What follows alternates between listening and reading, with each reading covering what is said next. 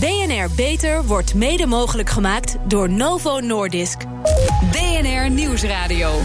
BNR Beter. Hanke Pijpers. Goed werkende hersenen zijn essentieel voor elke lichaamsfunctie, alle organen en ieder lichaamsdeel. Maar er gaat nogal eens iets mis. Zo'n 700.000 mensen in Nederland hebben niet aangeboren hersenletsel. En het aantal mensen met dementie zal de komende decennia flink stijgen. Welkom bij BNR Beter, het programma voor mensen die werken aan gezondheid. Mijn gasten Philip Scheltens, hoogleraar neurologie en directeur van het Alzheimer Centrum aan het Amsterdam UMC. En Ineke van der Ham, onderzoeker en hoofddocent neuropsychologie aan de Universiteit Leiden. Mevrouw van der Ham, niet aangeboren hersenletsel. Um, waar moeten we dan precies aan denken? Nou, dat is hersenletsel met allerlei oorzaken. Dat kan bijvoorbeeld na een verkeersongeluk zijn, maar ook na een beroerte of een herseninfarct. Ja, dus er zijn dus heel veel verschillende oorzaken hè, waardoor mensen hersenletsel oplopen. Daardoor zijn de klachten en verschijnselen ook heel divers. Wat komt u zo al tegen? Nou, als neuropsycholoog kijken we vooral naar gedrag. En dan zien we met name uh, geheugenproblemen, aandachtsproblemen, uh, vertraging in de verwerking van informatie, dat soort zaken. Mm -hmm. En is uh, niet aangeboren hersenletsel te genezen of te behandelen? Te, ver, te verzachten? Uh, verzachten, daar zijn zeker mogelijkheden ja. Genezen, dat is vaak lastig, zeker in een chronisch stadium. Maar er zijn allerlei trucs die mensen kunnen aanleren om het uh, makkelijker te maken. Ja. Meneer Scheltens, u bent verbonden aan het Alzheimer Centrum. Alzheimer is een van de belangrijkste oorzaken van dementie, maar er zijn er meer. Welke andere ziekten veroorzaken dementie? Er zijn uh, echt heel veel ziekten, allemaal hersenziekten overigens, die tot dementie kunnen leiden. Uh, dementie is een syndroom, eigenlijk een verzameling van klachten en problemen. Alzheimer is wel de belangrijkste ziekte, maar op oudere leeftijd zijn er ook allerlei andere beschadigingen van hersenen, zoals door de vaten bijvoorbeeld, die dan ook een rol kunnen spelen. Mm -hmm. Je kunt ook dement worden door pure vasculaire schade, door een groot infarct bijvoorbeeld, of een bloeding. Ja. En er zijn nog uh, andere vormen van afbraakziekten, zoals we dat noemen, zoals frontotemporale dementie. Ja. Die allemaal leiden tot dementie. De ziekte is uh, in 1906 officieel ontdekt door de Duitse arts Alois Alzheimer. Die kenmerkende veranderingen ontdekte in het weefsel van overleden patiënten. Alzheimer is dus al ruim een eeuw bekend. U verwacht dat in 2040 het aantal patiënten in Nederland zal zijn verdrievoudigd. Het zijn er nu zo'n 280.000.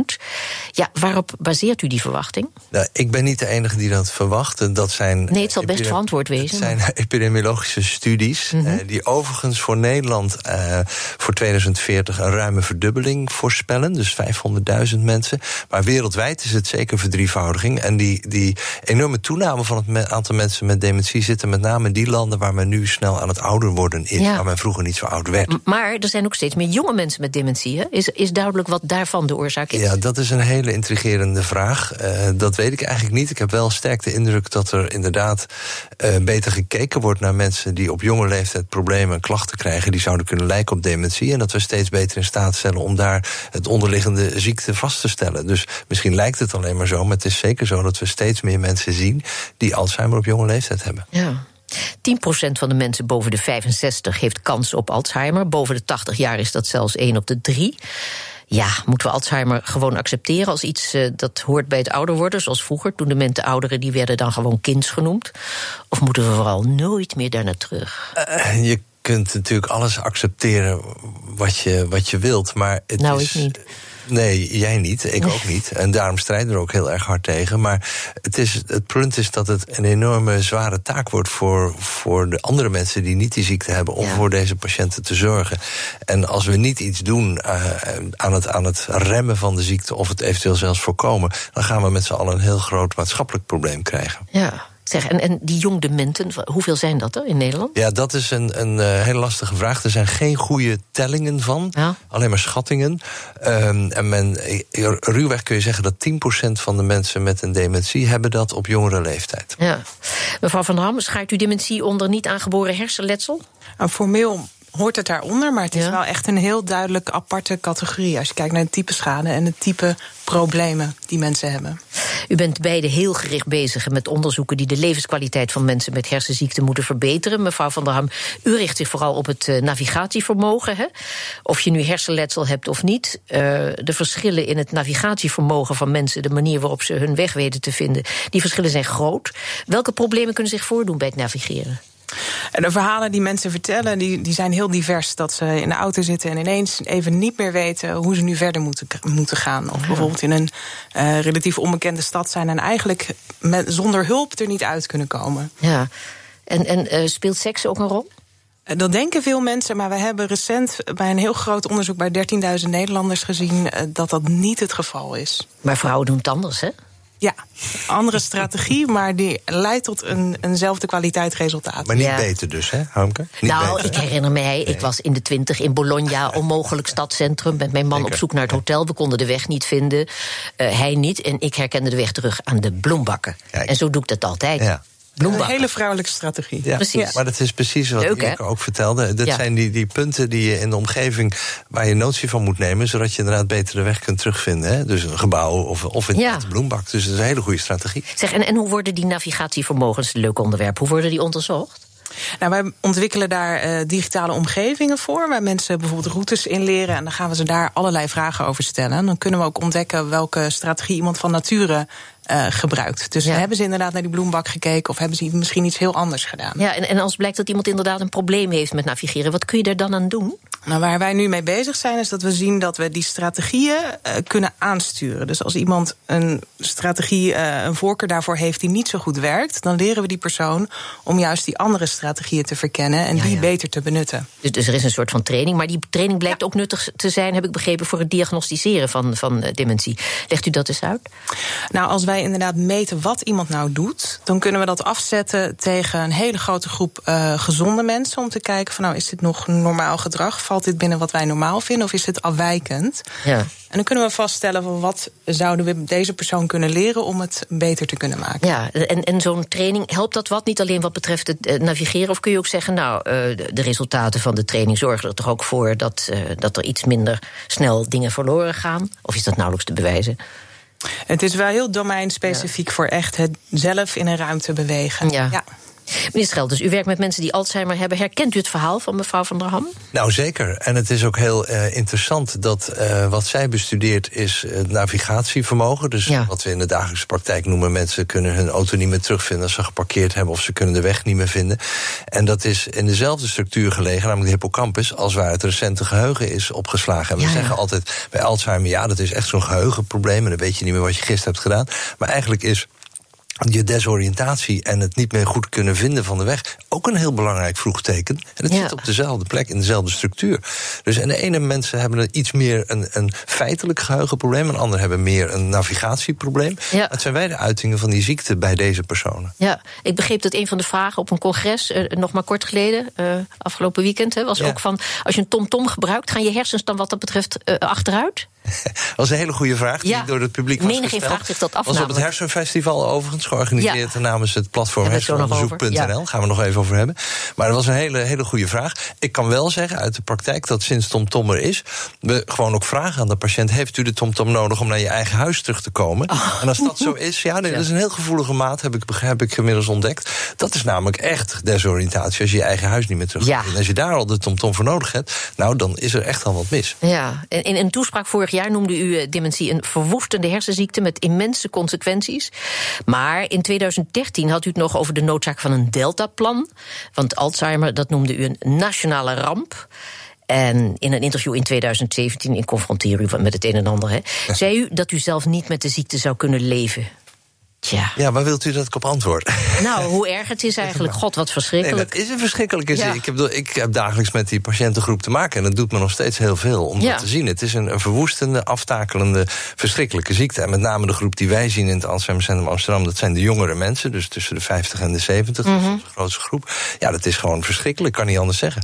En dat motiveert ons om er, om er heel hard aan te werken. En gelukkig wordt er binnen Nederland heel erg hard en goed samengewerkt. Ja. En daar was dat Deltaplan ook weer heel instrumenteel voor... wat in 2013 begonnen is. Ja, want u bent eh, wat dan heet een, een, een betrokken arts. Maar goed, uw steun, ja, u kunt er zo weinig aan doen. Hè? U, kunt er nog zo, u bent toch zo machteloos. Ja, maar weet u, kijk, daar ben ik inmiddels aan gewend. Want heel veel ziekten Ja, die dat de ooit? neurologie werken, die zijn natuurlijk hopeloos. Ik bedoel, Ja. als je, of je ziekte van Parkinson hebt, of multiple sclerose, of een hersentumor, wat dacht u daarvan? Het zijn allemaal verschrikkelijke aandoeningen. En als je als specialist daar niet tegen kan, moet je een ander vak eh, kiezen. Maar ik kan juist die betrokkenheid heel goed ehm, tonen.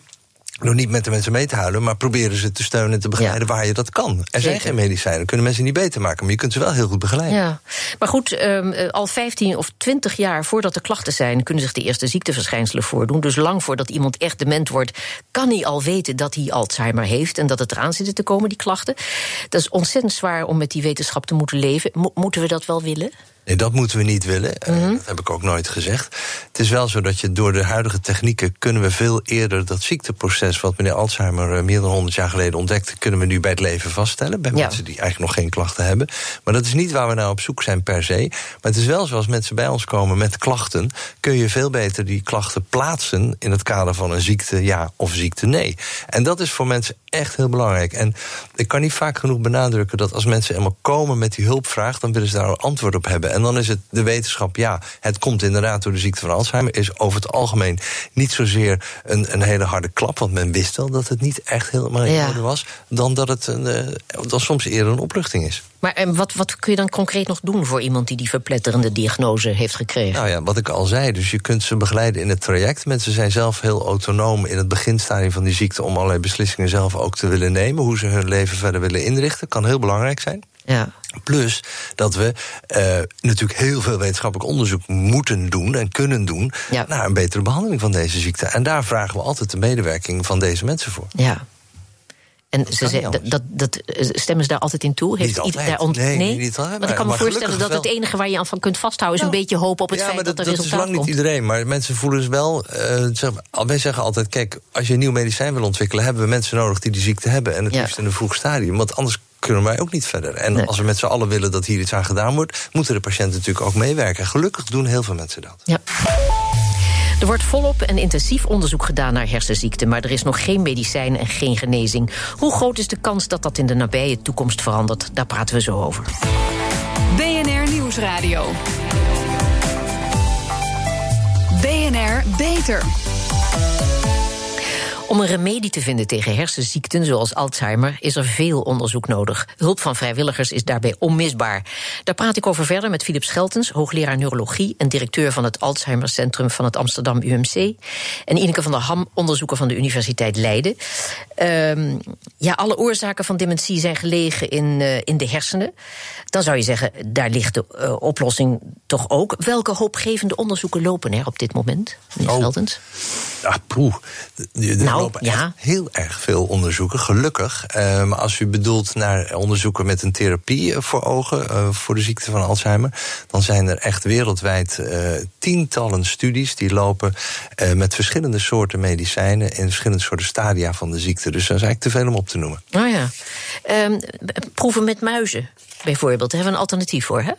Ja, proeven met muizen zijn en, en, blijven altijd belangrijk. Wat we tegenwoordig gelukkig ook kunnen, is uh, de hersenen nabootsen in een schaaltje. We kunnen hersencellen kweken, als het ware, uit, een, uit bijvoorbeeld een huidcel. Vanuit, uh, die je afneemt met een, met een klein uh, huidbiopje.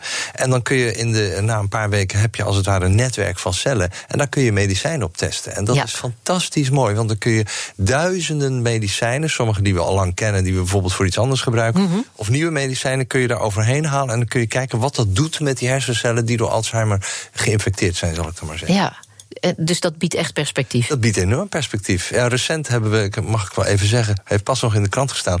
Een van onze onderzoekers heeft ontdekt dat een middel wat we bij HIV gebruiken, het efavirenz, als je dat test in deze celkweek, dat het een heel potent anti-Alzheimer-middel kan zijn. Ja, ja. En dat gaan we dus nu ook verder bestuderen. En dat hadden we nooit geweten als we niet deze methode van kijken hadden. Ja, en, en dat leidt tot wat we dan noemen gepersonaliseerde. Dat leidt tot gepersonaliseerde ja. uh, behandeling, absoluut. Ja. Het leidt ook tot het hergebruiken van behandelingen die voor iets anders bedoeld waren. Ja, en, en, zijn er nog andere hoopgevende ontwikkelingen of ontdekkingen? Er zit, zit toch zeker iets meer in de pijplijn? Oh, er zit ontzettend veel in de pijplijn. Maar het belangrijkste. Maak een keus. Ja, nou, kijk. Um, wat ik belangrijk vind is om vast te stellen dat we nu echt mensen kunnen gebruiken en includeren in deze studies die heel vroeg die ziekte hebben, terwijl ze dus nog niet zo ver in het ziekteproces zijn, waardoor je in ieder geval theoretisch nog dingen kan remmen. Dat is heel belangrijk en daar gaat het hele veld nu ook naartoe, dat we medicijnen ja, ja. in een heel vroeg stadium gaan testen. En we werken met verschillende soorten vaccins op dit moment tegen het amyloid-eiwit en of het tau-eiwit. Ja. Die moeten maken dat die ziekte in het vroegste stadium gestopt wordt. Hmm. Ja, Dat van is aids. echt spannend. Ja, want van aids, eh, om het daar even over te hebben, dachten we twintig jaar geleden ook hè, dat het een dodelijke ziekte was. Inmiddels blijkt het goed te behandelen. Kunnen we aids voorkomen, genezen. Verwacht u dat eh, met Alzheimer hetzelfde gaat gebeuren? Waar zullen we staan over twintig jaar? Een van die vragen. Van Ja, onmogelijke vraag. Ik verwacht zeker, ik ben en blijf optimistisch. Ik zie hoe het veld zich ontwikkelt. En er Ja. zijn ab- absoluut tegenslagen geweest. Dat zal ik niet ontkennen. Maar Ja, we, blijven, we blijven echt heel erg hard doorwerken. En dat moet ook wel, want de, want de maatschappelijke druk is enorm hoog. Dus dat gaat ook echt gebeuren. En dat kan morgen zijn, kan over tien jaar zijn, kan over twintig jaar zijn. Dus sommige dingen zijn ook niet te voorspellen en moet je van het toeval laten afhangen. Ja, wat- Maar zoiets wat ik net noemde, Ja. is bijvoorbeeld zo'n ontwikkeling, wist ik een jaar geleden ook niet dat dat Nee. kon. Dat gaan we dus nu testen. Toch heel Wie recent. Dat, dat houdt de moed erin. Want ik heb ook een boek gelezen. Hoe heette het ook alweer? Ja, ik ben een beetje vergeetachtig. Ja. Maar in ieder geval, eh, met al die therapieën. En dan las ik, oh, dat, nou is er wat onderweg. Hè. Nee, toch. eh, Uiteindelijk bleek toch. En dan weer. Nee, hup, maar het volgende kijk, verhaal. Aldoende leert men. Je moet echt wel eh, leren ook van de dingen die mislukken. Dat Ja. is in elk, elk eh, veld van de geneeskunde moet je trials Zeker. doen, zoals dat heet. En moet je mislukken om weer van te leren. Maar ik wou maar zeggen, het zit jullie niet mee. Nee, het zit ons niet mee. Maar Mevrouw we van der Ham. het niet op hoor. Ja. ja, kunnen we hersenziekten inmiddels begrijpen en inzichtelijk maken? Eh, deels. En daar is Mhm. goede diagnostiek eigenlijk echt een, een kern in. Dus dat we goede testen ontwikkelen. Wat wij bijvoorbeeld doen, testen voor geheugen, voor dat navigatievermogen. Dat we de juiste vragen stellen. En ook genoeg gegevens hebben van gezonde mensen om vast te stellen van nou is dit afwijkend of niet. Ja, en, en heeft u het idee dat de maatschappij, de politiek zich voldoende bewust zijn van de omvang van het probleem en van de noodzaak dat er iets gebeurt? Eh, dat is best lastig. En als je kijkt van nou, het soort onderzoek wat wij doen, dat moet gefinancierd worden. En dat, dat zit je in een gek middengebied. Omdat je eigenlijk Ja. zit in het toepassen van theoretische kennis in een meer klinische groep. En dat is soms best lastig om daar eh, financiering voor te, Ja, want te als je cijfers eh, vergelijkt bijvoorbeeld met eh, hartonderzoek, dan is het toch krankzinnig. Dat is toch een enorm verschil. Ja, zeker. Ja. Echt, echt een enorm verschil. Een hartonderzoek, maar met name kankeronderzoek. En eh, dat wil niet zeggen dat het daar minder zou moeten zijn. Maar we moeten zeker tot dat niveau stijgen. Willen we überhaupt een vuist kunnen maken tegen Alzheimer... zullen we echt veel meer funding erin moeten stoppen. Ja. En daar is inmiddels iedereen wel van overtuigd. Want het geld moet wel ergens vandaan komen. Ja, maar hoe doet Nederland het in vergelijking met eh, het buitenland? Ik noem Frankrijk, Engeland, Duitsland bijvoorbeeld. Ja, nou, dat zijn allemaal goede voorbeelden. Frankrijk en Engeland zijn echt heel voortvarend bezig. Eh, Duitsland ook overigens. Maar als we even kijken naar de, de funding in Nederland voor het Alzheimer-onderzoek, doen we het helemaal niet zo slecht. Dus het per hoofd van de bevolking. Maar het is niet genoeg. Daar gaat het om. Het is echt niet genoeg. Willen we het hoofd kunnen bieden? Want tenslotte, we hebben nog steeds geen werkend medicijn. Dus we zullen echt veel harder moeten ingrijpen. En ik ben er helemaal niet voor om alleen over de medicijnen te doen. Maar er zijn heel veel andere, eh, zeg maar, wat Ineke net vertelde. Dus het leren van nieuwe strategieën in een heel vroeg stadium zou misschien ook wel goed kunnen helpen. En nou, we hebben op het Hersenfestival afgelopen zaterdag hebben we het ook over gehad over muziek, over allerlei andere strategieën die ze allemaal zou moeten kunnen proberen. Want ik denk dat we uiteindelijk voor de ziekte van Alzheimer nooit één pil zullen krijgen, maar altijd een combinatie van heel veel verschillende strategieën nodig zullen hebben. Ja, mevrouw Van der Ham, hersenpatiënten ondervinden last van hun ziekte, zijn vaak fysiek vermoeid of ze hebben last van depressies. En dan wordt er toch van ze verwacht, of in ieder geval gevraagd, om mee te doen aan onderzoek. Eh, ja, er zijn heel veel verschillen in hersenziekte en ziektelast. Zijn die patiënten betrouwbare modellen voor onderzoek? Eh, dat zeker, ja. En eh, het is heel- altijd heel belangrijk om mensen natuurlijk te vragen van, nou, heeft, ziet u dat zitten? En zelf ook een inschatting te maken van, is dit nog eh, te verantwoorden om dat met deze persoon te gaan doen? Ja. En er zitten ook wel echt gradaties in de belasting die een, een, een dergelijk onderzoek met zich meebrengt. Als je alleen op gedrag zit of een heel erg intensief traject met iemand doorgaat, daar zit ook veel variatie in. Ja. Maar meneer Schelders, u wilt juist ook gezonde mensen onderzoeken en volgen, hè? Nou, wij beide, hè? Dus Ja. we maken beide gebruik. En alle sprekers trouwens, eh, afgelopen zaterdag is er een kleine selectie uit een heel groot aantal onderzoekers in Nederland die graag met normale, gezonde mensen werkt.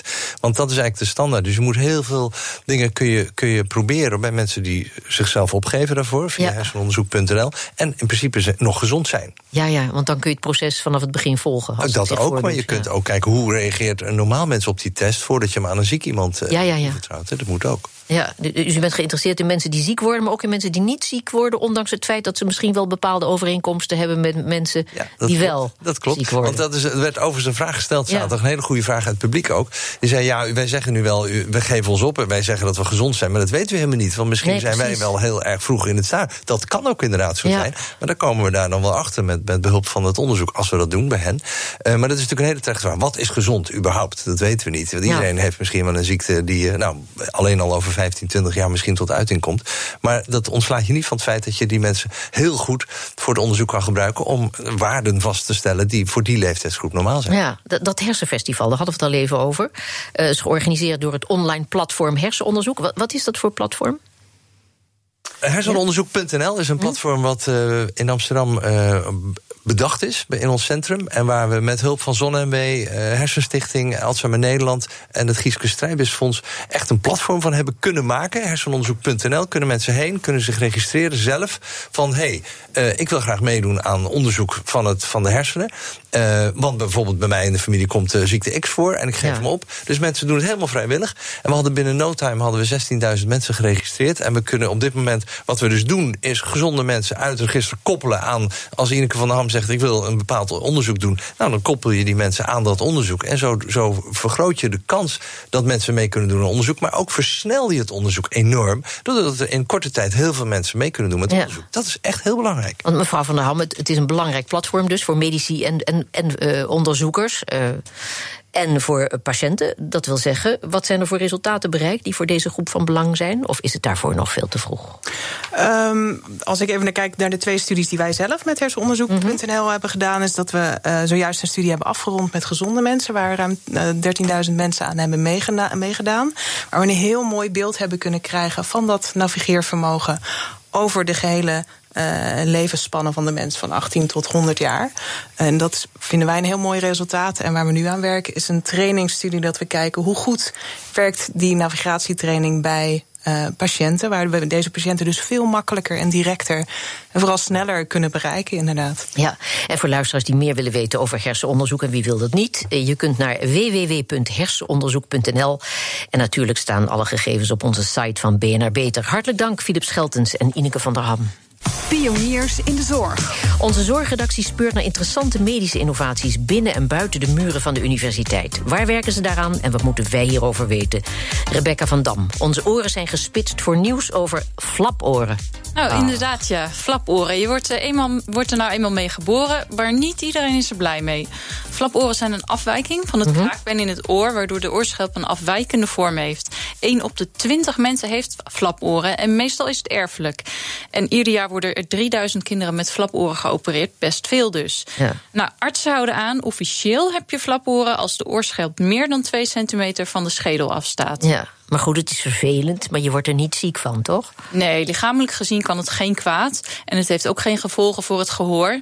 Maar mensen kunnen er bijvoorbeeld wel onzeker van worden. Ze vinden het zelf niet mooi of ze worden ermee gepest. En dat kan dan voor mentale klachten zorgen, zoals faalangst of depressie. Mensen die hun flaporen storend vinden, kunnen ze laten corrigeren. Nou, voorheen gebeurde dat altijd met een operatie. De patiënt moest daarna in het ziekenhuis blijven soms. En sowieso twee weken een drukverband om het hoofd dragen. Nou, dat is bijvoorbeeld niet zo handig als je naar je werk of naar school moet. Of zoals jouw Harmke met een koptelefoon op werkt. Ja, ja. of als je zoals Linda Brol met, met flaphoren net een operatie achter de rug hebt. En je moet dan een een van de grote internationale show gaan presenteren. Wat ze ooit jaren geleden heeft gedaan. Ja. Moest ik meteen aan denken. Ja, ja dat deed ze toch goed. de Mol, maar vandaag wel. Goed, vertel even, hoe werkt die methode? Nou, er is nu dus inderdaad een minder ingrijpende methode. En uh, dat is een implantaat en dat heet Airfold. Mm -hmm. En dat implantaat wordt onder plaatselijke verdoving tussen de huid en het kraakbeen gezet. Nou, hoe dat precies gaat, dat weet plastisch chirurg Werner Beekman. Het zijn standaard clips die op, uh, gestrekt op een apparaatje worden aangeleverd. Dan maak je een sneetje in de rand van het oor. Dan breng je dat apparaat met, het gestrekte clipje in. Dan druk je op een knopje en dan klipt dat clipje in een gebogen vorm. Waardoor het oor naar achter komt te staan. Ja, kind kan de was doen, hè? Ja, nou, het klinkt heel uh, eenvoudig inderdaad. En bovendien duurt deze ingreep maar een half uurtje. En daarna mag de patiënt naar huis, ook zonder dat drukverband. En zodra die zwelling dus op de oren is verdwenen... is het resultaat al zichtbaar. Dus gewoon hartstikke snel kan je zien dat het geholpen heeft. Ja, en is die earfold, earfold voor iedereen geschikt? Nee, de clips zijn niet voor ieder oor geschikt. Maar het mooie is dus dat ze vooraf buiten het oor kunnen worden aangebracht. En zo kan de patiënt al goed zien hoe het resultaat oh, ja. wordt. Dus vindt hij het mooi, dan worden de implantaten geplaatst. Vindt hij het niet, dan gewoon niet. En dan eventueel kan hij later nog kiezen om geopereerd te worden. Ja, en even voor alle duidelijkheid, je hebt het over oren, niet over borsten, hè? Nee, nee, ja. over oren, ja. ja en, en wordt de eerfold vergoed? Nee, die wordt uh, voor volwassenen niet vergoed. Corrigerende ingrepen worden wel vergoed voor mensen totdat ze 18 jaar zijn. Uh, wil je het dan toch, dan moet je het zelf betalen. En het is ook even goed zoeken naar de juiste kliniek. Want er zijn maar een paar klinieken in Nederland die deze Eervold-methode al toepassen. Ja, kortom er op tijd bij zijn. Dankjewel, Rebecca van Dam. En tot zover deze uitzending van BNR Beter. Op bnr.nl slash beter is deze uitzending terug te luisteren... of on demand via de BNR-app, Spotify of iTunes. En we zijn ook op Twitter te vinden onder BNR Beter. Dus heeft u tips voor ons? Laat het ons vooral weten. Ik ben Harmke Pijpers. Graag tot een volgend spreekuur. BNR Beter wordt mede mogelijk gemaakt door Novo Nordisk.